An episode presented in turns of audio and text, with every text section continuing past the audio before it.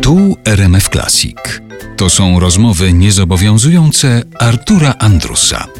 Anna Dymna jest dzisiaj naszym gościem w Niedomówieniach w RMF Classic i rozpoczęliśmy naszą rozmowę od wspomnienia takiego krakowskiego salonu poezji, gdzie się poetów nie stawia na cokołach, jak sama Anna Dymna przed chwilą powiedziała. No to teraz nie stawiajmy Anny Dymnej na cokole. Ja się nie mieszczę na żadnym.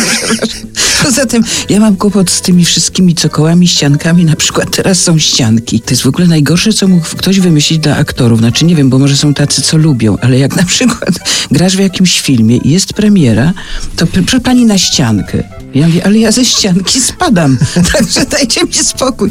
Ja zawsze na tych, ale czasem już muszę, bo wszyscy stoją. Ja zawsze mam tak głupią minę, ja nie wiem, po prostu ja się nie nadaję na ścianki ani na cokoły, no po prostu nie wiedziałam, że to będzie mnie kiedyś czekało. No ale jestem aktorką, podobno muszę umieć tak tu wypiąć, tu wciągnąć, tu coś tam zrobić. No jak trzeba, to stoję, no ale to okropne. Kiedy umawialiśmy się na tę rozmowę i zapytałaś mnie, a o czym będziemy rozmawiać, Mhm. ja powiedziałem, że między innymi o twoim jubileuszu, czyli 50 lat Mm, od debiutu tak. minęło. To straszne. Ale powiedziałem, że nie będziemy żadnych pomników stawiać tutaj. Natomiast, jeżeli by się okazało, że dzwoni na przykład Urząd Miasta Krakowa i mówi Pani Anno, może pani sobie wybrać dowolną formę uczczenia pani jubileuszu. To może być każda forma. Możemy Tak? pani postawić pomnik, możemy pani zorganizować maraton Anny Dymnej. Ale ile na pieniędzy na to mamy? Wszystkie możliwe pieniądze. Tak, to ja są. potrzebuję 40 milionów. Dlatego, że jak otwierałam fundację mimo wszystko, to jeszcze zanim ją miałam, to wyczaiłam takie miejsce po wojsku rakietowym nad morzem.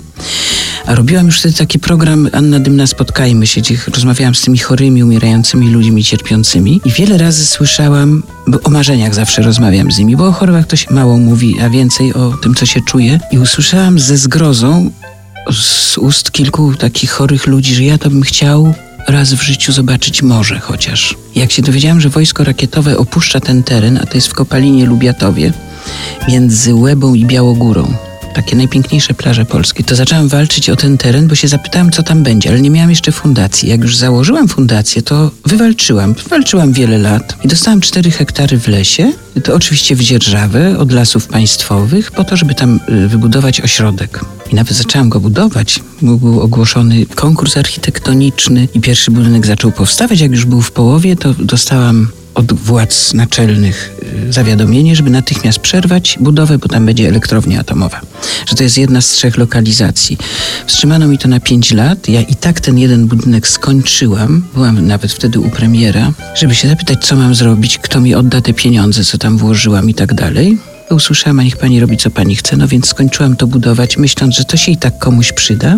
I od paru lat tam działają warsztaty najpiękniejsze na świecie, w środku lasu, 900 metrów od morza. I tam mam podopiecznych, ale cały czas marzę o tym, żeby wybudować tam ośrodek taki całoroczny dla ludzi z całej Polski, którzy są na stałe uszkodzeni, nigdy nie będą już inni, bo nie mają nóg, czy są sparaliżowani w stabilnym stanie zdrowia. No w każdym razie i gdyby na przykład ktoś miał dużo pieniędzy i chciał mi coś zrobić na 50-lecie, to to by na przykład najbardziej mnie ucieszyło, bo to jest moje marzenie, żeby jednak ten ośrodek tam powstał, bo tam jest tak pięknie.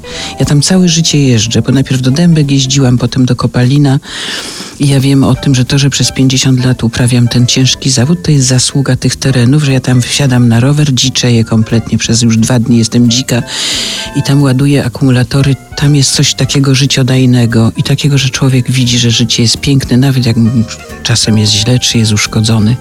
No więc taki pomnik, proszę bardzo. Dobry? Bardzo dobry. Dziękuję.